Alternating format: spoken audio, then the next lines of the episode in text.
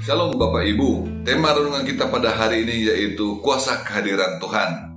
Kita baca uh, Keluaran pasal 14 ayat 19 sampai 20. Kemudian bergeraklah malaikat Allah yang tadinya berjalan di depan tentara Israel lalu berjalan di belakang mereka.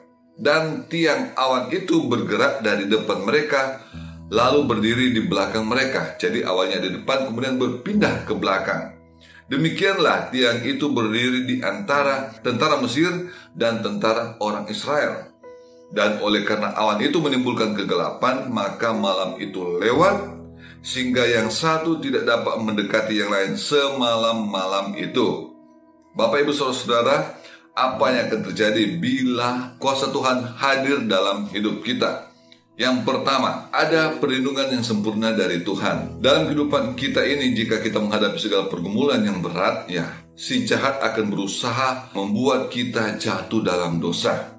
Tapi puji Tuhan, karena kuasa Tuhan hadir dalam kehidupan kita, maka Tuhan ikut akan membentengi kita dari maksud-maksud si jahat. Sebagaimana bangsa Israel dibentengi oleh tiang awan sehingga rencana jahat dari tentara Mesir kepada bangsa Israel itu tidak bisa terjadi. Berperang ya ganti kita. Dalam menghadapi persoalan ini sudah pasti kita tidak akan mampu dengan kekuatan kita sendiri apalagi itu persoalan yang sangat berat. Allah ini menunjukkan kuasanya kepada bangsa Mesir bagaimana dia menolong bangsa Israel ini sehingga bisa melewati laut Teberau. Nah, sedangkan bangsa Mesir ini tidak bisa. Nah, jadi kuasa Allah ini berperang menggantikan kita.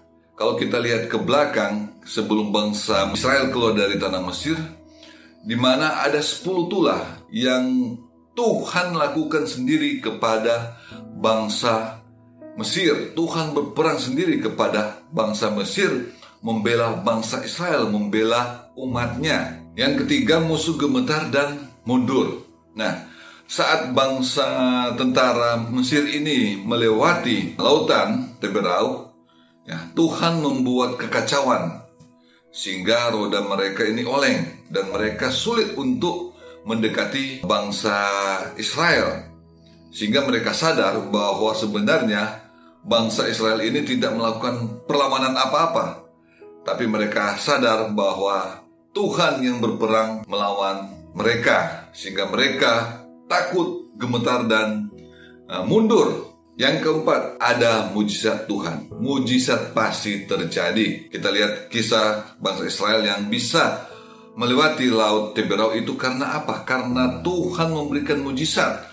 Laut terbelah dan mereka bisa melewati laut tersebut menyeberang sampai ke seberang dan mereka bebas dari uh, kejaran tentara Mesir.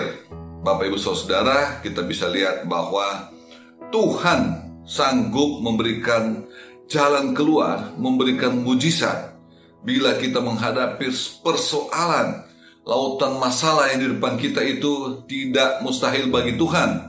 Tuhan bisa buka jalan sehingga kita bisa melewatinya dan kita bisa sampai kepada tujuan. Tujuan yang Tuhan sudah rancangkan dalam kehidupan kita kita mampu dan bisa melewatinya karena Tuhan pasti akan memberikan mujizat dalam kehidupan kita melewati segala persoalan kita. Jadi Bapak Ibu Saudara-saudara, jelas di sini bahwa kita sangat butuh kuasa kehadiran Tuhan dalam hidup kita.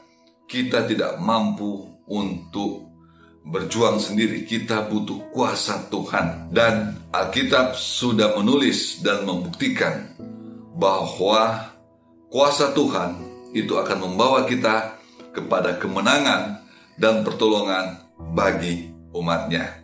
Tetap semangat, Tuhan Yesus memberkati. Amin.